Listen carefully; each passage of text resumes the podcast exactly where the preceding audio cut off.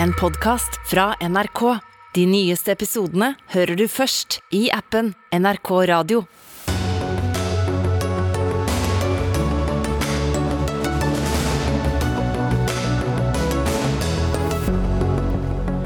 Tysk kollaps, skyhøy inflasjon i USA og børsene faller. Sentralbankene gjør for lite, for sent, mener sjeføkonom. Landet er delt av mur og piggtråd langs en strekning på 200 mil. 400 000 nybyggere på okkupert område.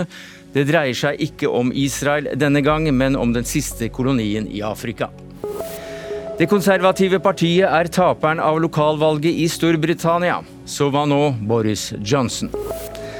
Mens demonstrantene bæres bort av politiet, sier regjeringen ja til dumping av gruveavfall i Førdefjorden. Lenkefører møter minister i Dagsnytt 18. Og MDG har landsmøte, åpner for å øke norsk gassproduksjon for å hjelpe Europa. Ja, Det er noen av sakene i Dagsnytt 18 denne første fredagen i mai, der vi også får uh, høre om forskjellsbehandlingen av ukrainske og andre flyktninger som kommer til Norge. Men vi starter med situasjonen i Ukraina, for i ettermiddag meldes det at russiske soldater har omringet Sevrodonetsk øst i landet. Og hva mer vet du om dette, Roger Severin Bruland, du er vår korrespondent nå i Lviv. Ja, vi vet jo det at det er harde kamper i den byen, også i en by rett sør, på Pasjna. Så vi vet at det bølger fram og tilbake, og at det er angrep fra russiske styrker på brei front eh, fra eh, Donbass. Eh, fra ukrainsk side så blir det jo fokusert på at en gjør framskritt utenfor Ukrainas andre største by, Kharkiv. Og en hevder nå å ha fått pressa russiske styrker så langt nord at sentrum er utenfor eh, artillerihold. Men selvfølgelig, en må ta alle eh, rapporter med en klype salt. Det her er jo eh, krigføring og situasjoner som er under utvikling. Ja, hvordan er situasjonen i det området du befinner deg i vest i landet, altså i nærheten av der Russland slapp bomber for å ødelegge transportårer som brukes for å få vestlige våpen inn i landet? Ja, jeg kjørte jo forbi den store transformatoren, og deler av byen var jo uten elektrisitet. En tror en prøver å ramme jernbanenettverket. Også noen lager skal ha vært truffet, der det ble spekulert i om det var lagra ammunisjon som kom inn fra Vesten, fra Nato-landene. Og Det er jo klart det skaper jo en utrygghet her i Lviv, naturlig nok, selv om det er vakkert eh, vårvær og folk prøver å leve livet sine som normalt, så er jo denne rakettrusselen overhengende hele tida. Og alarmene går jo selvsagt eh, støtt også i store deler av landet, også her i Lviv. Takk skal du ha, Roger Severin Bruland, nå i Lviv. Eh, Palle Ystebø, du er oberstløytnant og du er hovedlærer ved krigsskolen. Hvorfor er det så viktig for russerne å ta denne byen Sjeverodonetsk? Ja, det er en av, av flere byer som, eh, som, er sentrale i forsvaret av uh, den frontlinja som, som, ligger der nå. Eh, samtidig er ikke byen så kritiske, fordi at eh, den ligger jo med ryggen mot eh, elva Donets, som da vil utgjøre ei forsvarslinje for ukrainerne. Så de kan tillate seg å, å trekke seg tilbake og reetablere seg der. Men for russerne er, er, er alle disse byene er ofte veikryss og er derfor viktige for å komme videre i, i, i, med denne offensiven. Ja, Hva slags offensiv er det vi ser nå? Altså, Vi ser jo deler av det som omtales som slaget ved, altså, om Donbas, som ble annonsert når, eh, når russerne ga opp i nord og, og trakk ut og redeployerte styrkene sine. Og Det slaget har aldri utvikla seg til det som var forventa. Det har hele tida vært mindre angrep langs den fronten som var, og stadige ukrainske små motstøt, sånn at det har vært lite bevegelse. I dag så kom det meldinger både på CNN og NBC at eh, det var USAs etterretning som hjalp Ukraina å senke Russlands flaggskip eh, Moskva. Eh, hva vet du om dette? Altså, Amerikanerne benekter de ga spesifikk sånn måldata på, på, Moskva, men de er åpne på at de deler etterretning i stort med, med Ukraina. Sånn at her tror jeg nok det er mer en kombinasjon av den generelle strategiske etterretningen som USA bidrar med, og ukrainernes egen evne til å følge eh, disse fartøyene. Moskva hadde jo seilt et relativt velkjent mønster eh, over lengre tid, sånn at de hadde rimelig god kontroll på han. Men ville USA innrømmet eh, at de faktisk ga de opplysningene som gjorde at dette var mulig, hvis de hadde gjort det? Antagelig ikke.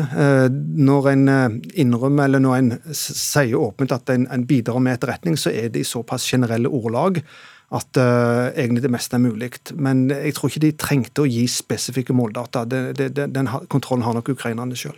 For i dag så er det kommet uh, meldinger om at et annet uh, krigs, russisk krigsskip, admiral Makarov, som ukrainerne da skal ha senket ved Slangeøya i Svartehavet. hva mer vet du om det?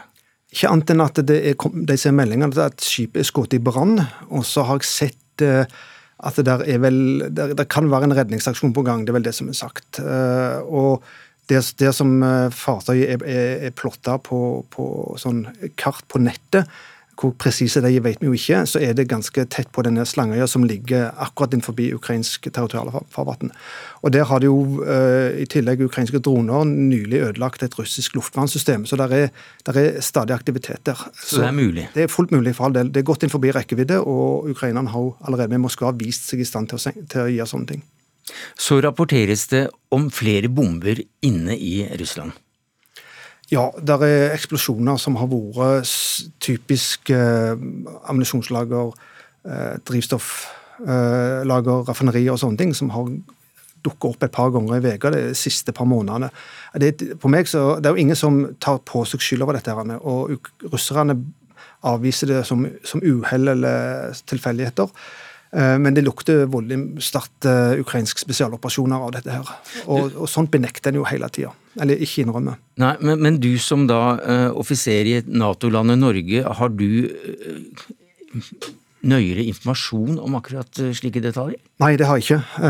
Og i denne jobben her så holder vi oss kun til det som er tilgjengelig på åpne kilder. Rett og slett. Så vi slipper oss å risikere å, å blåse noe som er hemmelig. Så meldes det også om ukrainske offensiver. Ja, eh, det har vært ukrainske angrep mot uh, russiske stillinger ut forbi Harkiv spesielt de siste par ukene, med en uh, markert framgang her uh, tidligere denne veka. Det som er litt spesielt, er jo det at den ukrainske generalstaben i en melding har liksom i en avsluttende bisetning bare orientert om at de har offensiver gående både mot, uh, i området Kharkiv og i området mot Isium. og Der har det da vært kamper i alle fall siste uka. Så det er mer en bekreftelse fra offisielt hold om at de offensivene går. Men hva sier det deg om krigens gang? Det sier meg så sier det, forteller at uh, da mener ukrainerne at styrkeforholdet for dem er så gunstig at de nå kan ta initiativet og begynne å, å, å presse russerne der Eh, som de kan gjøre skade. Og ikke minst presse de vekk fra Kharkiv, som da har vært under artilleriangrep omtrent siden krigen starta. Ja, og Hva sier det da om krigens gang igjen? Sånn, ja, det, det, kan være et nytt vendepunkt. Mm. Altså at uh, initiativet går kanskje over til ukrainsk side. Um, styrkeforholdene er ganske jevne. Uh, I antall er russerne litt flere, men ukrainerne har vist bedre kvalitet både på taktikk, stridsteknikk og spesielt på lederskap og, og, logistikk, sånn at det kan godt hende at den kvaliteten da kan tippe balansen i ukrainsk forsvar. Takk skal eh, du ha, Palle Ystebø, oberstløytnant og hovedlærer ved Krigsskolen.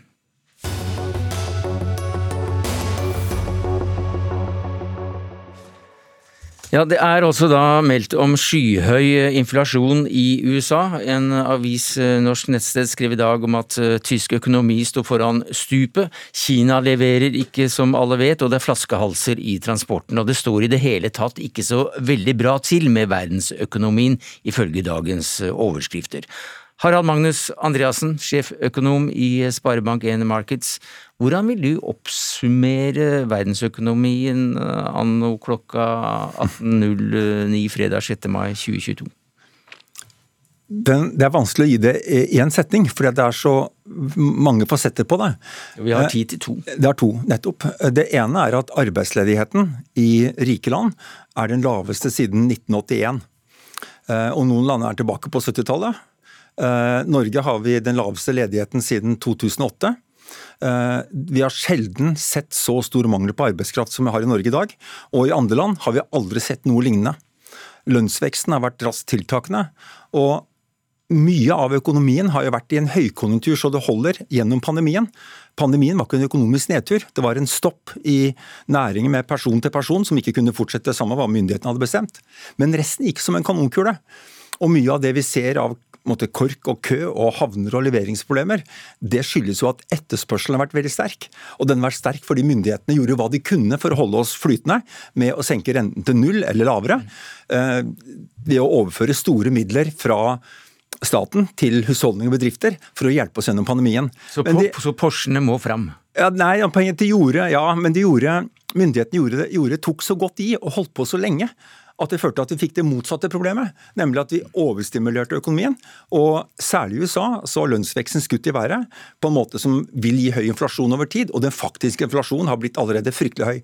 For bedriftene de rapporterer om veldig bra salg.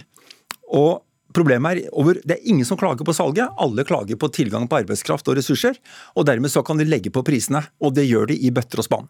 Og Dermed så har vi hatt går vi nå fra å stimulere maksimalt, som vi har gjort og forståelig nok, iallfall i begynnelsen med pandemien, til å måtte stramme inn ganske mye i en del land for å få balanse i økonomien igjen. Ja, for Jeg ser, eller leser deg at du mener at sentralbanksjefene kanskje er litt for sent ute med litt for uh, små tiltak? Ja, Hva de gjør til slutt, får vi da se om de blir for små eller ikke. Jo, men, men, det helt, nå, men, det er helt, åpenbart at sentralbanken, særlig i USA, skulle startet mye tidligere. Og det var klart allerede for lenge siden at politikken var unødvendig. Uh, altså Boligprisene i USA skjøt i været umiddelbart, og de er opp 35% siden før pandemien. Gjeldsveksten har tiltatt, og prisveksten har blitt fryktelig høy, og ledigheten ekstremt lav. Eh, og det er klart lenge at politikken burde reverseres. Sånn sett er sentralbanken i USA nå på etterskudd, og de satte opp renten tidligere i uken med 50 basispunkter, altså med et halvt prosentenhet. Og de skal sette opp renten på de to, tre, fire neste møtene med tilsvarende. Og det er ikke mer enn en, en, en, få lite antall måneder siden man trodde at renten i USA skulle være uendret eh, gjennom, gjennom 2022, og nå snakker vi om tre prosentenheter med renteoppgang. For å da prøve å stabilisere økonomien. Og det er også det, også bare si det andre aspektet, det er at krigen i Ukraina skaper utfordringer med høyere energipriser, iallfall noe, eh, og trøbbel på matmarkedet og mm. leveranseproblemer osv. Så, videre. så det er et veldig altså, litt sånn et, et, bilde med mange nyanser og mange fasetter. noe som forklarer verdensøkonomien. Den er iallfall ikke i krise per i dag, med den laveste ledigheten i rike mm. land uh, siden 1981. Eh, Neira uh, Macic, du er sjeføkonom i Prognosesenteret, befinner deg i London. Uh, er store renteøkninger det beste botemiddelet for sentralbanksjefer rundt omkring i verden? Renteøkninger er det beste middelet, men om store renteøkninger er det beste middelet, det er et annet spørsmål. Jeg er helt enig med Harald Magnus i at renteøkningene burde ha kommet tidligere. Og da hadde det kanskje ikke vært behov for så mange. Eh, så vi er nok på en måte litt eh, på etterskudd med, å sette i gang en mer eh, mindre stimulerende pengepolitikk. Men hvis vi ser til Norge, så, så har vi nå en styringsrente som er altfor lav til, til, den økonomiske aktiviteten og til den veldig lave arbeidsledigheten vi har. Så burde vi hatt en, en høyere styringsrente. Men eh, kan eh, dette bli så høyt som det Norges Bank eh, spår, altså når det gjelder å, å heve rentene? Det er der jeg er litt usikker på om den rentebanen er sannsynlig. Altså de, sentralbanken selv mener at vi skal opp på et nivå på 2,5% i styringsrente. Det jeg tror den modellen til sentralbanken undervurderer, er eh, effekten av renteøkningene som kommer før vi kommer opp til 2,5% ehm, jeg mener at de har en antakelse om at en renteøkning på 2 prosentpoeng vil gi et, eh, en nedgang i konsumet på en halv prosent. Det er et veldig forsiktig estimat. Og jeg tror nok i virkeligheten at hvis vi hadde hatt en renteøkning på 2 prosentpoeng, så ville forbruket og konsumet i Norge falt med mer enn kun 0,5% og Hvis det er dette som ligger som en antagelse eh, i, i, det modelleringsarbeidet som fører til den rentebanen vi ser, så tror jeg også at det er lite sannsynlig at vi faktisk får en styringsrente på 2,5% Og jeg tror eh, økonomien vil være nedkjølt før vi mm. kommer opp på det nivået. Ja, hvem, hvem, kan da juble for akkurat det? det? det? Jeg er helt enig, det er usikkert hvor mye vi tåler. fordi at vi de siste ja, egentlig 20-30 årene har økt gjelden veldig kraftig. Eh, mens resten av verden, stort sett, med noen få unntak, har brukt nå tiden etter finanskrisen, altså siden 2010, til å nedbetale gjeld som aldri før. Så har vi lånt mye ekstra. Og vi har lånt mye ekstra sannsynligvis fordi at rentene har vært svært lav uten at vi hadde noe krise i norsk økonomi, slik det var krise i andre land etter finanskrisen. Og da trengte de lav rente. Vi fikk det allikevel, selv om vi ikke hadde krise, og gjeldsveksten har vært høy, og gjelda har blitt høy. Mm. Og det kan føre til at vi ikke da trenger så høy rente for å stabilisere økonomien. Men trøsten må si til, til, de som nå sitter med, med gjeld og er urolig her, Norges Bank skal jo ikke ta livet av folk flest her. Vi skal bare sette opp renten såpass at aktiviteten og økonomien roes litt ned. Nå faller ledigheten veldig raskt og er svært lav. Det er stor etterspørsel til arbeidskraft, og vi vet av all erfaring det fører til at lønnsveksten tiltar. Og den har økt noe, men er ikke farlig høy ennå. Så Ford, Mustang og Porsche kan fremdeles ligge forholdsvis høyt oppe på salgslistene over mestselgende biler i Norge en god stund framover? Noen ønsker sikkert det.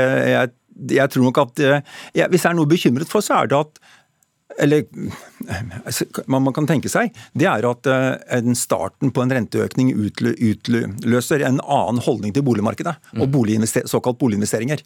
Eh, prisnivået er svært høyt, og en renteøkning kan føre til at atferden på boligmarkedet endres. Og Da er nedsiden på boligprisen i Norge stor, på samme måte som det har vært i alle andre land etter at prisene har steget mye. Det blir en interessant runde vi tar en annen gang. Takk skal du ha, Harald Magnus Andreassen, sjeføkonom i Sparebank1 Markets. Og til deg, Neidra eh, Macic, sjeføkonom i Prognosesenteret.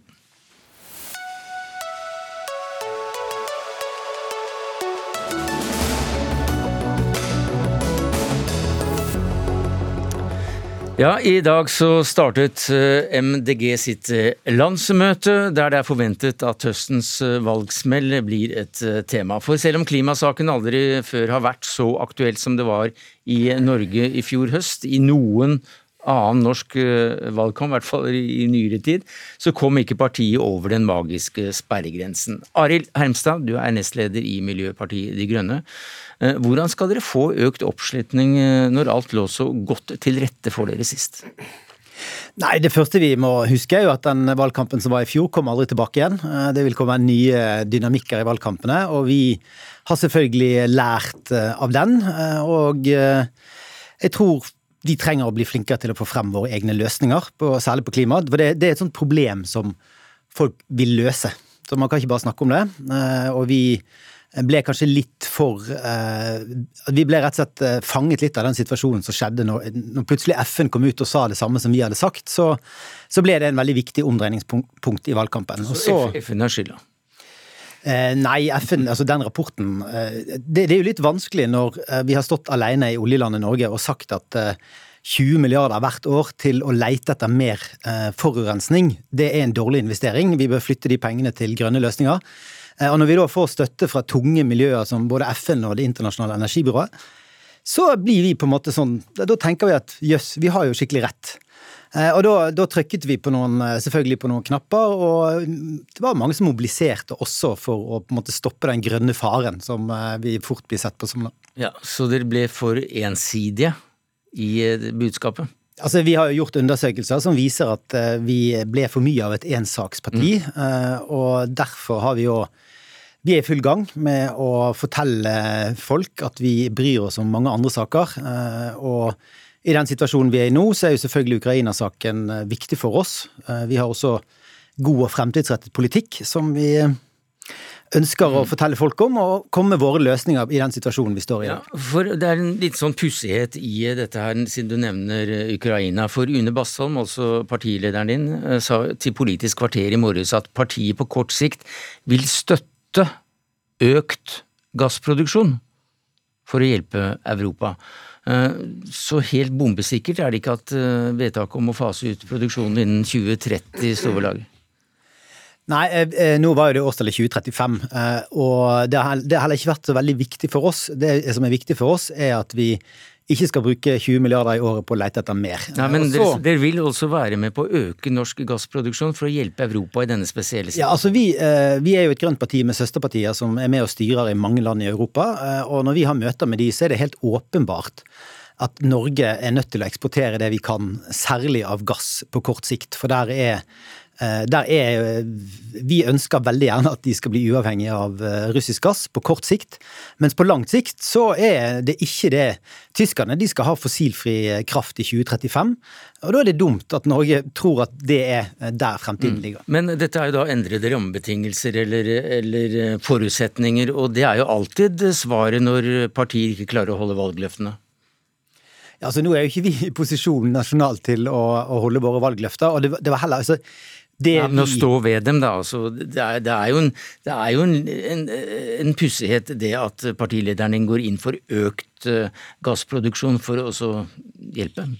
Ja, men på kort sikt så mener jeg at Europa har ikke noe valg. Man er nødt til å fylle opp igjen tomme gasslagre, som uh, til og med Gazprom eide gasslagrene i Tyskland. Sørget for at de var om lag tomme den 24. februar.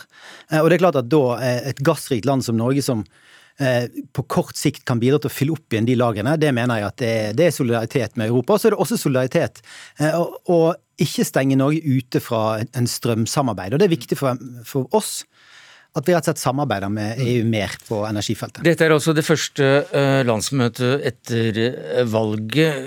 Hvilke mål er det partiet har når det gjelder tall og prosenter før neste stortingsvalg? Eh, altså Først kommer det et kommunevalg, eh, og det vi har sagt om det er at eh, i 2019 ble vi Norges femte største parti, eh, og det er det minste vi skal prøve å få til i 2023. Eh, eh, og så har ikke vi, vi har ikke satt noe måltall på 2025, men vi er et parti som har store ambisjoner, og det var derfor vi også valgte å være åpne om vår egen evaluering, fordi vi må gjøre ting bedre og raskere enn de andre partiene. Takk skal du ha, Arild Hermstad, du er nestleder i eh, MDG. Lars Nehru Sand, eh, politisk kommentator her i eh, NRK. Hva slags, eller hvilket parti er det da MDG er i dag? Det er et parti som er litt mindre enn de selv ønsker å være, og som ikke nådde dette veldig viktige sperregrensemålet, som rimer ganske mye med MDGs politiske selvbilde og, og organisatoriske vekst i årene frem til valget i fjor, og som nå skal se fremover og lage en veldig interessant eh, langtidsstrategi, eh, som jeg syns er den viktigste saken på helgens landsmøte, hvor de står i denne spagaten og da skal ta et valg om hvor radikale, hvor realistiske lønner følelse for dem å være. Hvor mye skal de snakke med utestemmer om problem, hvor mye skal de snakke konstruktivt om løsninger? Skal de være ultimative, eller skal de være kompromissvillige? Ehm, den identitetspolitiske retningen som klimadebatten har, ehm, har tatt, har jo også ført MDG litt inn i eh, et hjørne. Det mest radikale med MDG, også til forskjell fra SV og Venstre, handler jo egentlig ikke om hvor mye klimagassutslipp de vil kutte, men det handler om deres syn på økonomisk vekst eh, som, som samfunnsmodell. Men de biter også over store andre epler, f.eks. EU-tilknytningen skal det snakkes eh, høyt om? Definitivt, og det har vært en eh, hva skal vi si for noe, evergreen i dette grønne partiet, i den forstand at eh, det har vært eh, debattert ved flere programdebatter uten egentlig komme til en konklusjon. Det gjør de nok heller ikke denne helgen, fordi diskusjonen handler mye om om man skal ha en ny EU-debatt i partiet og ta initiativ til det i Norge, eller ikke. Men det som er verdt å legge merke til, er jo at det at denne debatten faktisk blir tatt i helgen, viser at det egentlig er ja-fløyen i partiet som har skal si, tidsom med seg eh, nå eh, i landsmøtesalen, sånn som jeg, jeg leser det. Eh, og Så får vi se når eh, i løpet av de kommende årene MDG er klare til å ta et ja eller nei spørs, eh, til norsk medlemskap selv. Eh, men, men, det sier jo litt om hvordan MDG posisjonerer seg, både fordi de grønne partiene i Europa som regel er positive til medlemskap, og det andre at det vil kunne gi de en, en ny strategisk posisjon på en slags venstreside i Norge, selv om de veldig sterkt ønsker å være blokkuavhengige, hvis de, i motsetning til SV og Rødt f.eks., går inn for et norsk EU-medlemskap. Ja, det er jo da ganske uh, markante personer i partiet som fronter denne saken. Rasmus Hansson og Lan Marie Berg. Ja, og Hansson uh, tok jo første ordet i debatten som var nå i ettermiddag, og, og appellerte veldig sterkt til at uh, dette standpunktet må tas nå, selv om det for mange av delegatene kommer, kommer litt brått på pga. sakspapir, og andre ting. Vi, vi snakket eh, om, om, valgresultatet sist, og, og at det blir et tema for hva man skal gjøre. Men er det Optimisme, du var der. Er det optimisme i salen? Er det glede og, stå-på-vilje til, til, å gå videre? Jeg har fulgt dette digitalt, først og fremst, men jeg leser jo at det er et parti som eh, også nå mener at det ikke minst inn mot et lokalvalg MDG har jo alltid gjort bedre kommune- og fylkestingsvalg enn en stortingsvalg, og, og, i eh, mange av de store byene våre så er de med å styre. Så at forventningene der er skrudd i taket til at eh, pila fortsetter oppover også neste år, det, det tror jeg alle delegatene er enig. Takk skal du ha, Lars Nehru Sand, politisk kommentator her i NRK.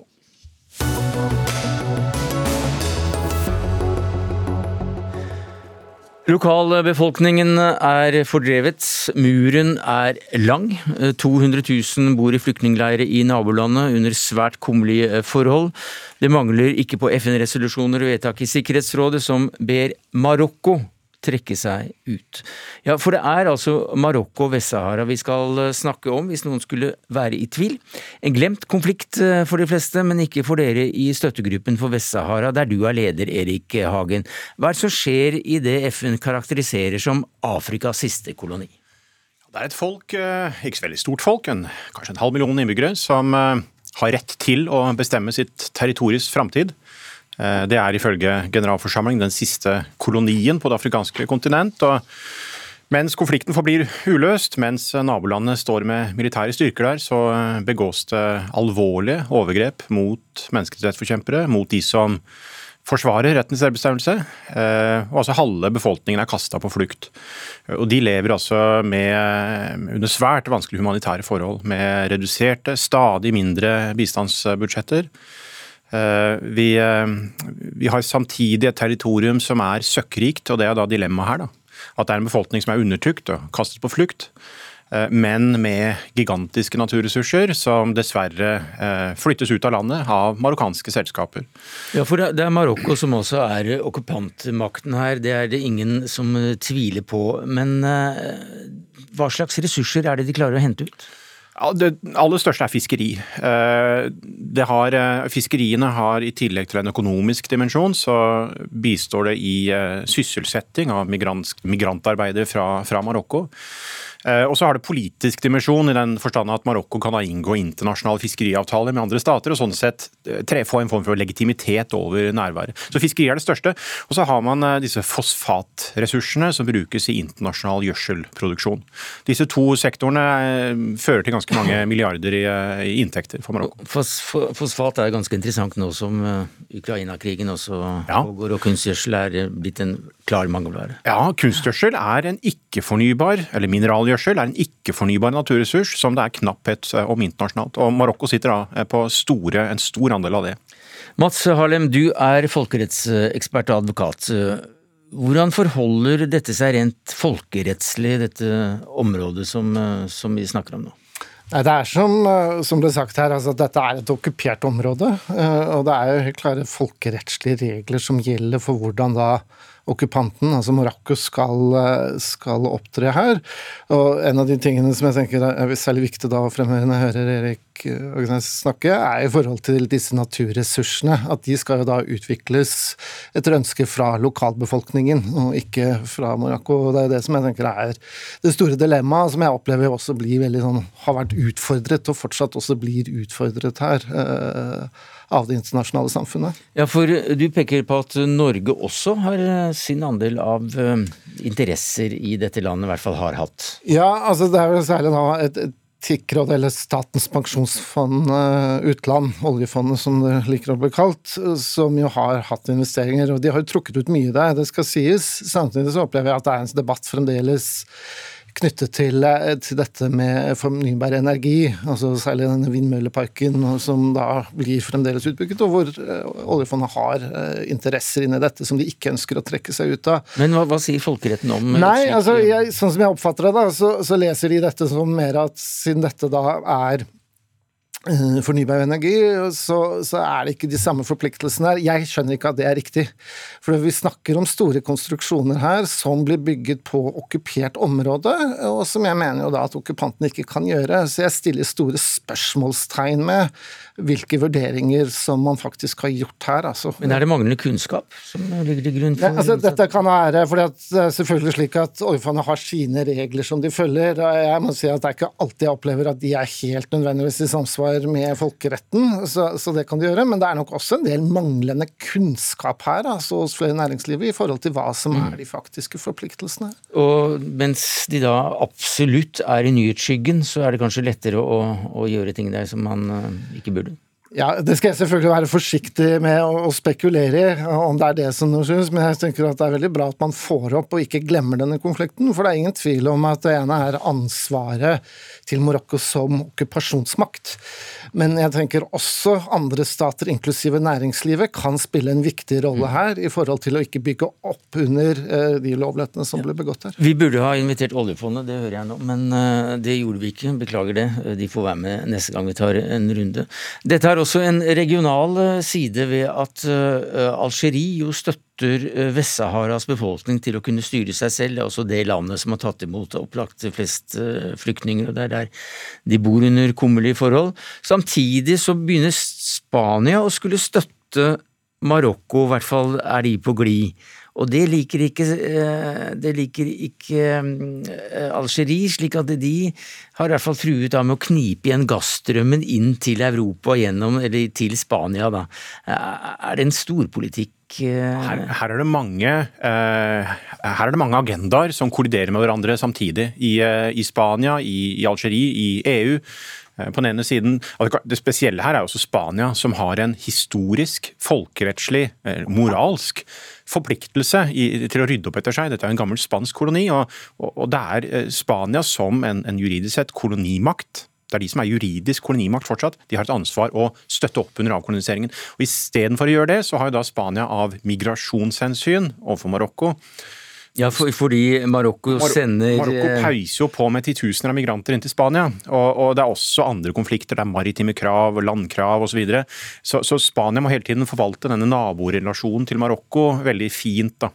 Og, eh, og det, gikk vel, det gikk helt over skeis da statsminister Sanchez eh, nå for en et par uker siden eh, i et brev til Marokko eh, skriver at eh, vi støtter opp under Marokkos freds- eller løsningsforslag, som er nærmest å inkorporere Vest-Sahara i Marokko. Det irriterer Algerie? Det irriterer da Algerie, som er et av de flere afrikanske statene som støtter Vest-Sahara innbitt.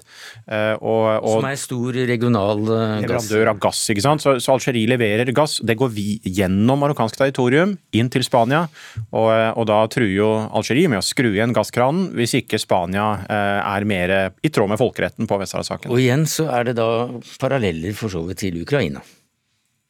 Altså det, er det, er paralleller i den forstand at man har for det første, vil jeg si, nå er jo du folkerettseksperten her, da, men man har et grotesk brudd på grunnleggende kjøreregler internasjonalt. Et brudd på FN-charteret. Og så kolliderer da disse, disse normene med realpolitikken. og på den andre siden så må vi ha gass. Mm. Eller på den andre siden så må vi stoppe migrasjonsstrømmene. Det er jo da Russland-floken EU sitter i nå. Mm. Nei, jeg er bare sånn opptatt av, for Det er ingen tvil om at det er storpolitikk her òg. Men det er liksom også viktig å på mange måter skille mellom sant, det politiske spørsmålet her og de rent folkerettslige. og det er liksom noe med at de folkerettslige eh, forpliktelsene her knyttet til okkupasjonsmaktens plikter og rettigheter er viktig også å verne om. Og Der tenker jeg at vi alle har et ansvar, altså både stater, men som jeg var inne på i stad også, også næringslivet, i forhold til å vite hva de gjør når de på mange måter har interesser i disse områdene. Altså, og det er som eh, vi var inne på i stad her, at der, der, føler jeg ikke alltid at næringslivet nødvendigvis har den tilstrekkelige kunnskapen bestandig om hva disse reglene faktisk sier. Samtidig så er dette da et, et, delt land, eh, for det bor da folk eh, som har bodd der hele tiden, også i Vest-Sahara i, i, dag, men de fleste da bak en mur som er 220 mil, med, med, med mur og, og, og, eh, og piggtråd? Ja, altså øh, Den ene delen av Vest-Saharas folk lever da et, under et jerngrep fra Marokko. Det er forbudt å organisere seg, demonstrere, skrive. De siste 150 nordmennene som har forsøkt å reise dit, har jo blitt nektet innreise. Så det er hermetisk lukket, og så har du dette landminefeltet rundt, som er like langt som Norge, 2500 km langt. Så Det er den ene delen av Vest-Saharas folk som lever under dette mangel på frihet. Vest-Sahara skårer lavest i verden på politiske friheter. Og så har du den andre delen som lever da som eh, flyktninger, sitter i teltene sine og venter på FN, som er handlingslammet av denne fordømte vetorettsmuligheten i Sikkerhetsrådet, som Frankrike benytter seg av. Frankrike er jo der nær alliert av Marokko. Så Frankrike stopper løsning i Sikkerhetsrådet på politisk sett, men også menneskerettighetsmekanismene. Det er nemlig vanlig at FNs tropper internasjonalt kan rapportere på menneskerettighetsovergrep. Det får ikke eh, operasjonen i Vest-Sahara lov til, for det nekter franske myndigheter at, som, at FN kan gjøre. Som den eneste FN-operasjonen i moderne tid, faktisk. Ja, det er helt riktig. Så veien å gå hvis man uh, har et bankende hjerte for akkurat Vest-Sahara, det er altså å legge press på Frankrike? Absolutt. Der har Norge vært kjempedyktige. Eh, den uh, vår norske regjeringen, f.eks. tidligere utenriksminister Børge Brende, sa dette har jeg tatt opp med den franske utenriksministeren. Altså Det går helt til toppen i Frankrike. Der må presset ligge. Og så hjalp det ikke? nei, nei vi, er, vi, ikke ja, Vi er kanskje ikke så stort land i verden, men eh, Men vi tok i hvert fall opp ja. denne tematikken i Dagsnytt 18 i dag, så, så, det er vi glade for at dere hjalp oss med. Erik Hagen, daglig leder i støttekomiteen for Vest-Sahara, og Mats Harlem, folkerettsekspert og advokat. Takk skal dere ha.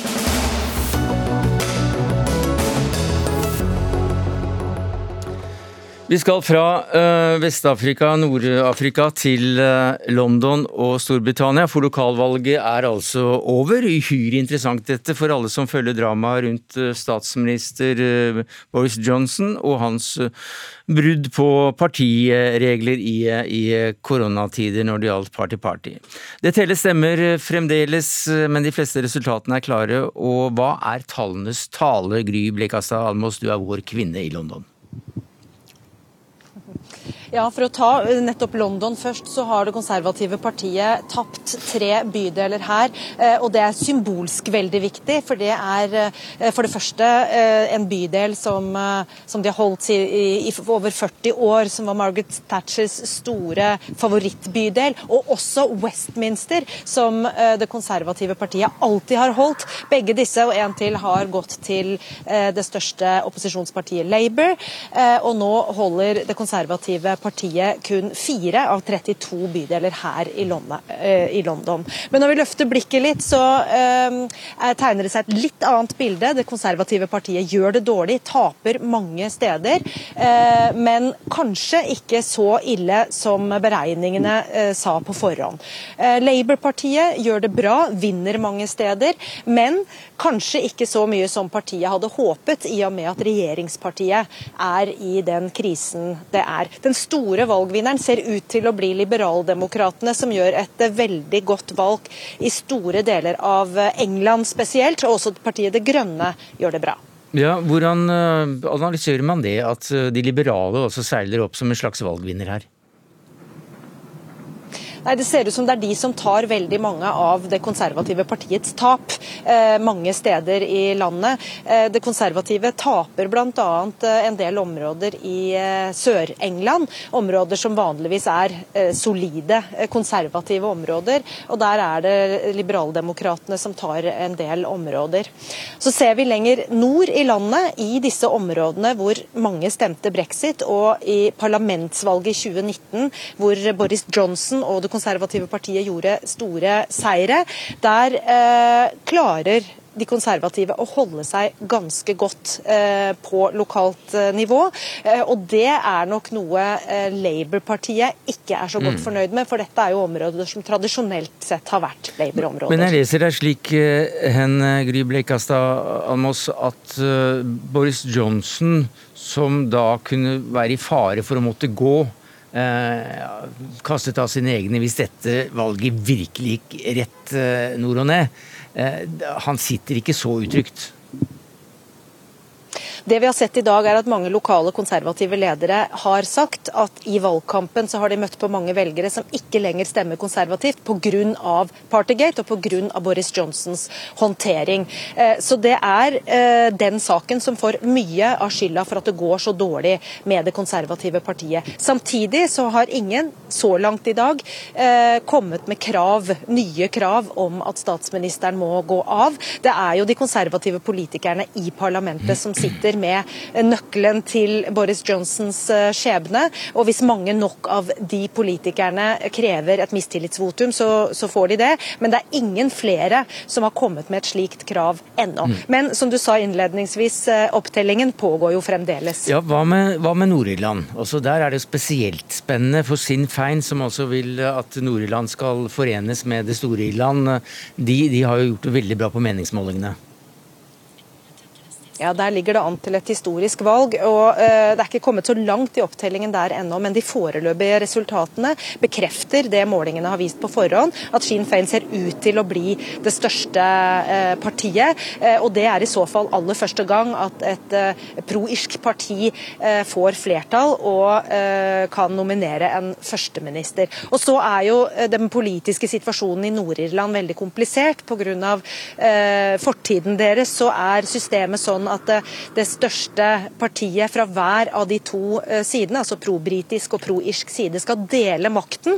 Eh, men så ser man også at et parti som ikke har tatt stilling til nettopp den eh, situasjonen, som verken er pro det ene eller det andre, vokser veldig på målingene og i de foreløpige resultatene også ser ut til å ha gjort et veldig godt valg. Og Det stiller jo nettopp det politiske systemet også i en vanskelig situasjon.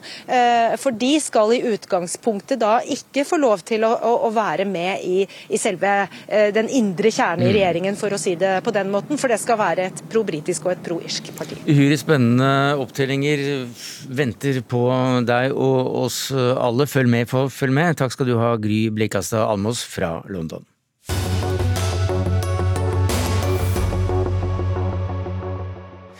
Ja, Russlands eh, invasjon av Ukraina har eh, tvunget eh, fem millioner ukrainere på flukt, og viljen i Europa til å hjelpe, den er stor. Bare i den polske hovedstaden Warszawa er rundt 20% av befolkningen nå ukrainske flyktninger. De fleste norske kommuner har sagt ja til å bosette flyktninger, og flere har varslet at de gjerne vil ta enda flere enn det regjeringen har bedt om, mens blå og gule flagg vaier over kjøpesentra og offentlige bygninger. Og dette avslører systematisk rasisme i europeiske staters flyktning- og asylpolitikk. Det skriver du i en kronikk i Dagbladet, Henrik Kjellmo Larsen, du er doktorgradsstipendiat ved Monash University i Australia. Eh, hva er det som er systematisk eh, rasistisk her? Ja, jeg gjorde dette argumentet at det var et uttrykk for eh, systemisk rasisme. Jeg har fått mange reaksjoner på det. Noen mener at argumentet er for simplistisk. Eh, men jeg lurer på om det er det simplistisk, eller er det rett og slett ubehagelig? Eh, men vi må få fram at det som den måten vi møter ukrainske flyktninger på, det burde være gullstandarden for hvordan vi skal møte mennesker på flukt. ikke sant? Eh, lokalsamfunn stiller opp, internasjonalt samfunn, gullstandarden. Men i norsk sammenheng så liksom, har vi veldig ofte defensive reaksjoner på vi snakker om rasisme. For rasisme det, det er liksom ikke noe som skjer, skjer i Norge, det ser utlandet, gjerne USA. Men For å gi litt konkrete eksempler da, på det jeg mener at er uh, eksempler på uh, systemisk rasisme. Når polske grensevakter ikke slipper inn eller prøver å stoppe uh, ukrainske flyktninger som ikke ser ut som de er fra Ukraina, og når når Polen selvfølgelig fortjener masse skryt for den måten de håndterer det her på, men når det er verdt å minne om at for bare et par måneder siden så frøs jo flyktninger fra Midtøsten og Afghanistan i hjel på grensen mellom Polen og Hviterussland og ble skutt på av polsk grensepoliti. Og For å ta det litt bort av Polen, da, så skjer det jo daglig pushback, pushbacks på Middelhavet, som er utført av libysk kystvakt, eller egentlig milits, og Frontex. Frontex og den libyske kystvakten er eh, finansiert gjennom EU. Og Norge har bidratt med flere hundre millioner kroner til å finansiere denne kystvakten og eh, Frontex. Men hva er rasistisk i dette? Hva sa du? Hva er rasistisk i dette?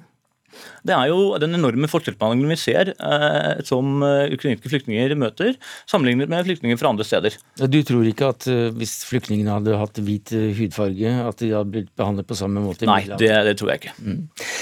Sylo Taraku, du er statsviter og du er rådgiver i tankesmia Agenda. Du er ikke enig i Larsens påstander om, om systematisk eller systemrasisme her, skriver du i Aftenposten i dag. Hvorfor ikke? Eh, først må jeg si at det som skjer i Middelhavet er uh, tragisk. At mange mennesker dør på vei inn til uh, Europa. Her er det viktig å finne politiske løsninger på internasjonalt nivå. Mm. Både for å bekjempe irregulær migrasjon, samtidig som vi sikrer at flyktninger får trygg tilgang til beskyttelse. Men så var det dette det med vært, ja, Det har jeg vært opptatt av. Men det jeg reagerer på, er måten solidariteten med ukrainske flyktninger blir problematisert på at det settes i et dårlig lys. Eh, vi snakker her om eh, kvinner og barn eh, som flykter fra en grotesk krig, og som er i en svært vanskelig livssituasjon. Barn som ringer pappaene sine hver dag, prøver å komme i kontakt for å finne ut om de er i live. Og det syns jeg er uverdig å få nærmest fremstille disse barna og kvinnene som en slags privilegert gruppe eh, og sammenligne dem med mm. andre eh, grupper.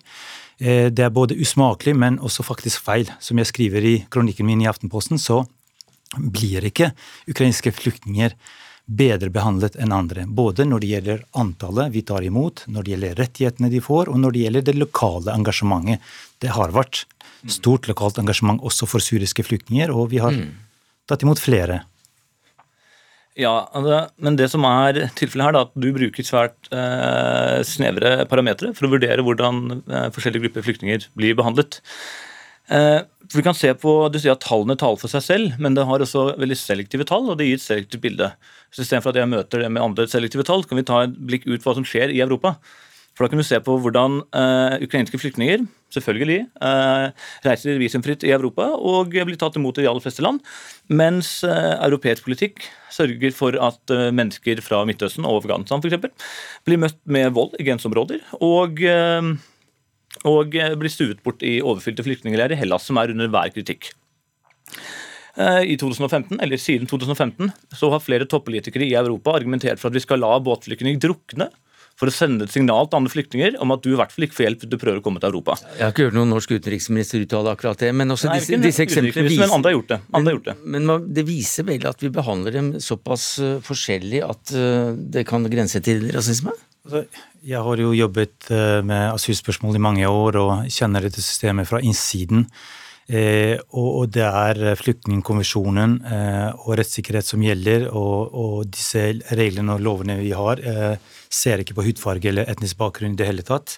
Eh, man vurderer beskyttelsesbehovet, og når det gjelder eh, visumreglene vi har, så er det en annen diskusjon. Eh, ja, ikke sant? Så hvis du argumenterer for at alle skal kunne reise visumfritt til Europa, slik ukrainere kan reise visumfritt til Polen f.eks., så, så er det en annen diskusjon. For det er en sammensatt gruppe mennesker som ønsker å komme seg til Europa. Eh, poenget er at de som flykter fra krig og forfølgelse, skal ha tilgang til beskyttelse. Men, men det er alle enige om. Unnskyld at jeg avbryter deg, Taruku. Men, uh, unnskyld, Taraku.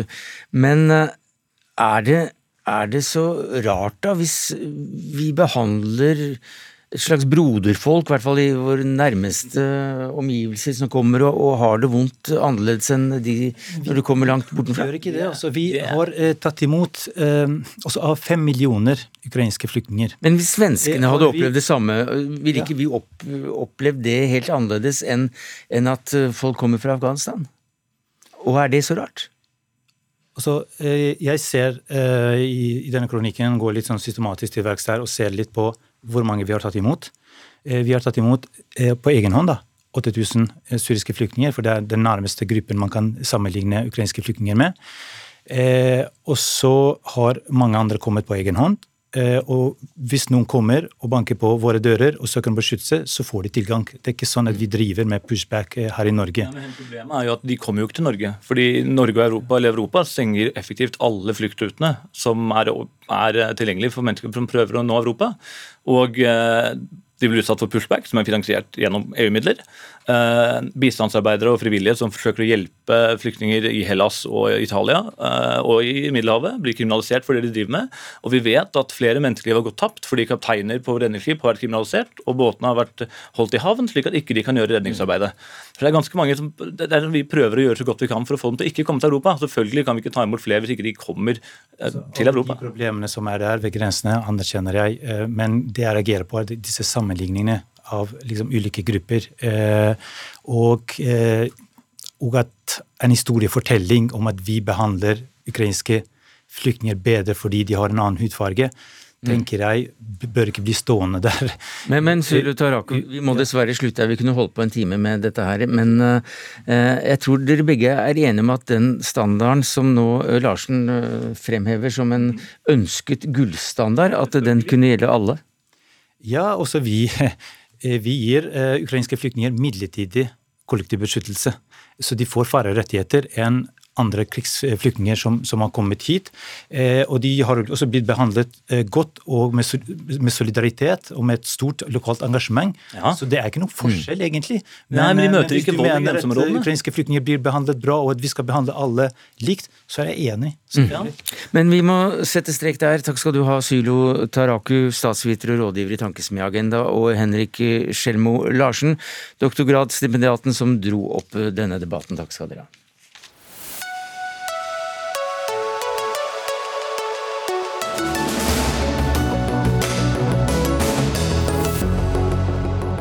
Ja, Denne uka har unge demonstranter lenket seg fast til anleggsmaskinene for å stanse gruveplanene i nærheten av Førdefjorden. Det dreier seg først og fremst om dumpingen av gruveavfall i Førdefjorden, som demonstrantene er redde for. Selskapet Nordic Mining har allerede fått konsesjon for å deponere er det 250 millioner tonn gruveavfall eh, der.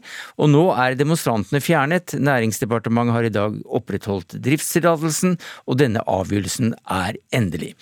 Og leder i Natur og Ungdom, Gyna eh, Gylver, du er kommet til oss, om ikke direkte fra glattcella, så i alle fall fra varetekt og med en klekkelig fersk eh, bot.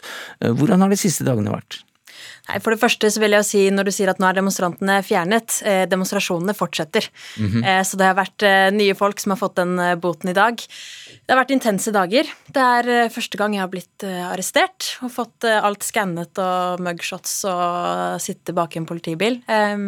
Så det er en spesiell opplevelse å bli båret bort fra den anleggsmaskinen med makt når man har jobbet med denne saken i så mange år. Men nå blir de altså da båret bort da, fra, fra, dette området. Men utslippstillatelsen, som det egentlig er mest strid om, den ble endelig opprettholdt i 2016, altså fra en annen regjering, en annen minister.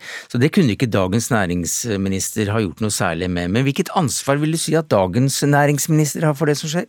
Nei, det er jo ikke sånn at dagens næringsminister ikke kunne gjort noe med det. Det er sant at eh, Vestre ikke kunne gjort om på KLD sin utslippstillatelse, men eh, det er mulig å ta en helhetlig vurdering når, når driftstillatelse gis. Og eh, der har NFD også et eget ansvar etter mineralloven til å ta selvstendige miljøvurderinger. Så eh, det, jeg syns det blir for feigt å gjemme seg bak en unnskyldning om at det er en annen eh, prosess og noen andres ansvar. Her kunne dette prosjektet blitt stanset, mm. og i stedet så er eh, denne beslutningen utsatt mange år frem i tid, eh, og, og, ingen reelle grep er tatt. Jan Christian Vestre, hva, hva sier du? Ja, altså, Jeg har lyttet veldig til miljøorganisasjonene. Jeg har lest eh, klagen fra Natur og Ungdom og Naturvernforbundet så mange ganger at jeg tror jeg kan det utenat. Og jeg har forsøkt å imøtekomme så langt jeg kan innenfor det handlingsrommet jeg har. Og Derfor så har eh, jeg stilt tre tilleggskrav til denne driftskonsesjonen, som er en betydelig innskjerping. Det er betydelig strengere miljøkrav. Nå må selskapet oppdatere driftsplanene sine. De må presentere en bedre driftsplan som i større grad ivaretar miljøhensyn, før de i det hele tatt kan utvinne et eneste gram mineraler fra Engebøforekomsten. Og Det var så langt jeg kom. Spørsmålet om sjødeponi var allerede avgjort. Vi mm. kan gjøre en helhetlig vurdering. Det har vi gjort, basert på det handlingsrommet vi har etter mineralloven, og det var så langt jeg kom. Disse skjerpede miljøkravene er jo eh, Det er ingenting konkret. Det er nesten identisk som det som kom i 2020. Eh, da stilte man f.eks. et vilkår om at man skulle eh, ja, samlet sett utnytte ressursene så godt som mulig, og nå har man lagt til sånn basert på forståelsen av at alle ressurser har verdi i sirkulærøkonomien. Og så fortsetter det nedover. Det er lite konkret, eh, og det er også et problem når vi skal følge det opp. Og problemet med dette prosjektet er sjødeponiet, gruvedumpingen i fjorden og dagbruddet, fjelltoppkappingen. Ingenting av det er gjort noe med. Ja, nå er jo sjødeponi vurdert veldig nøye av Miljødirektoratet og Klima- og miljødepartementet, og de mener jo at dette er miljøfaglig forsvarlig. Jeg har selv hatt flere møter med Miljødirektoratet den siste tiden og utfordret dem ganske kraftig på dette, og de mener at vurderingene sine står seg. Det må jeg nesten lytte til. Og så syns jeg at Natur og Ungdom skal forholde seg til det som faktisk står i disse tilleggsvilkårene. Jeg har skrevet dem selv, så jeg vet faktisk hva som står der. Og de er en betydelig innskjerping sammenlignet med det som lå fra 2020. Nå er det f.eks. krav om at selskapet må benytte beste tilgjengelige teknologi og beste tilgjengelige drifts- og deponeringsmetoder. og Det betyr at de kommer ikke til å få starte produksjon hvis det finnes deponeringsmetoder som bidrar til mindre avfall, f.eks. Og vi stiller også krav om at selskapet skal ha planer om årlig reduksjon av overskuddsavfall, slik at eh, andelen deponering blir mindre og mindre. Og Det vil bidra til en eh, renere fjord og mindre miljøutslipp. Det finnes allerede bedre måter å håndtere dette avfallet på. Det er et annet gruveselskap som jeg vet at du har hatt møte med, som har lyst til å ha et gruveprosjekt på de samme forekomstene, som ikke skal deponere noe sted, som skal ha full ressursutnyttelse. Det er mulig, det er mulig å stille strengere krav, men det er altså ikke gjort. Og Det er jo det vi nå da gjør, med at eh, direktoratet som skal godkjenne driftsplanen til dette selskapet, må eh, ta hensyn til hvilke eventuelle alternativer som finnes. Jo, men du, du, hørte et alternativ her, nemlig ikke deponere det i fjorden i det hele tatt. Det høres jo litt tryggere ut for fjorden? Ja, Hvis det finnes andre måter å drive denne gruven på innenfor den driftskonsesjonen som er gitt, altså en bedre teknologi, bedre drivemåte, så må direktoratet forholde seg til det før de kan gi og det, og det innvelge plan. Men Et øyeblikk, må bare høre en gang til. Og det Nei, gjør det? Her er det jo, Den vurderingen burde vært tatt allerede nå, i stedet for å skulle si at de må redesigne prosjektet om mange mange år, når de uh, plutselig skal begynne å dumpe i fjorden. Så er det jo mye bedre å sette stille krav nå, si at de ikke kan få dumpe i det hele tatt. Norge er et av to land i hele verden som tillater nye prosjekter med sjødeponi. Det er det en grunn til. Dette her er en svartelista metode forrige århundrets måte å drive gruvedrift på, og ekstremt uforsvarlig. Ja, og Her er det jo da faglig uenighet, som sagt, fordi Miljødirektoratet, som jo er vår fremste fagekspertise på dette, sier til meg at uh, i mange tilfeller vil denne måten å deponere på være bedre enn landdeponi. Men jeg har også vært opptatt av at vi skal finne ny kunnskap, og derfor har regjeringen også i dag varslet at vi nå lager en ny mineralstrategi. Der kommer vi til å vurdere ulike deponeringsformer, og vi har også som den første regjeringen sagt at vi vil nå se på fremtiden til sjødeponi. Vi vil se på hvordan denne næringen kan bli mer sirkulær, hvordan andelen andelen overskuddsmasser kan eh, reduseres. Vi vil se på insentiver og se på avgiftssystemet for hvordan vi kan få dette til. Men så vil jeg bare understreke at det grønne skiftet er helt avhengig av at vi utvinner mineraler. Så vi er helt nødt til å finne en måte å gjøre dette på en bærekraftig måte. Mm. Men det å si nei til mineralnæringen, det er ikke et alternativ hvis vi skal nå de målene vi men, har, bl.a. i klimapolitikken. Men det er også da Papua Ny-Guinea som er det andre landet som, som har godkjent denne type ordninger, og ikke et stygt ord om dette fantastiske landet, men eh, dere er ikke mange i, i den klassen? Nei, og Det har jo selvfølgelig litt å si at uh, Norge er jo et land med lange fjorder og veldig dype fjorder. Dette må vurderes særskilt av miljømyndighetene i hvert enkelt tilfelle. Mm. Denne saken har vært utredet i mange år, og de miljøfaglige rådene vi får fra direktoratet er entydige. De må jeg forholde meg til. Men jeg har altså skjerpet miljøkravene betydelig. Mm. Selskapet må nå oppdatere driftsplanene sine. Mm. Dette prosjektet det, det, det, det, har, det, har, vi hørt, det har vi hørt, og, og det må du også, det, må også du da gi dem kreditt for, at de har økt kravene noe kraftig? Det er jo ingenting ordentlig håndfast og konkret. Dette er ikke å lytte til miljøbevegelsen eller lokalbefolkningen. Fjordene våre er så dype. Det er to gruveprosjekter som vil deponere i fjordene våre i dag. Repparfjord 70-90 meter dyp. Førdefjorden 200-300 meter dyp. Tyrkia har dumpet på ja. Mm. Men det er disse to, og Førdefjorden 200-300 meter dyp. Eh, når eh, selskapet har fått deponert alt de vil, så vil Førdefjorden ha fått en ny havbunn i deponiområdet på 150 meters dyp. Et deponiområde som er viktig gyteområde for kysttorsk, som dessuten også er en fjord der hvor laksesmolten skal vandre ut.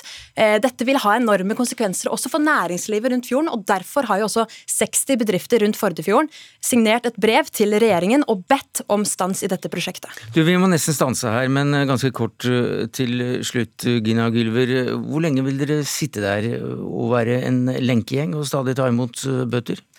Nei, Vi får se. Vi er nok av folk som er villige til å gå langt for å redde den fjorden. Og det er fortsatt mye som gjenstår før de får dumpet eneste gram i Førdefjorden. Og hva, hva sier lokalbefolkningen, da? Lokalbefolkningen er jo fullt på vår side. De har stått utenfor gjerdene og vært med i lenkegjengen. Er ekstremt skuffa og føler seg ikke lyttet til i det hele tatt. Og så er jo kommunestyret for dette prosjektet, da, så det er nok litt mer eh, nyansert. Men jeg kommer til å følge med at de nye miljøkravene blir eh, ivaretatt. Det kan jeg garantere. Takk skal eh, dere ha for at dere kom til Dagsnytt 18 og avsluttet denne sendinga. Gina Gylver og Jan Christian Vestre. For det hele er slutt takket være Sofia Lork Falk. Det tekniske ansvaret hadde, ansvaret hadde Hellig Svendsen. Jeg heter Sverre Tom Radøy.